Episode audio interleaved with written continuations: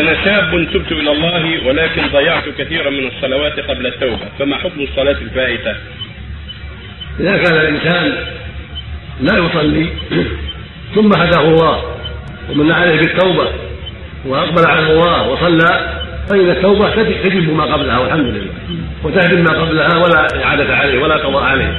هذا هو الأرجح والصواب من قول من العلماء. التوبة تجب ما قبلها والإسلام يهدم ما كان قبله. كما قال الله عز وجل قل للذين كفروا إن ينتهوا يغفر لهم ما قد سلف. والنبي عليه الصلاة والسلام قال الإسلام يهدم ما كان قبله والهجرة تهدم ما كان قبلها والحج يهدم ما كان قبله والتوبة تهدم ما كان قبلها. هذا هو الصواب أنه لا قضاء عليه لأن تكفر كفر. فإذا تاب إلى الله ورجع إلى الحق والصواب فتوبته تجب ما قبل ذلك.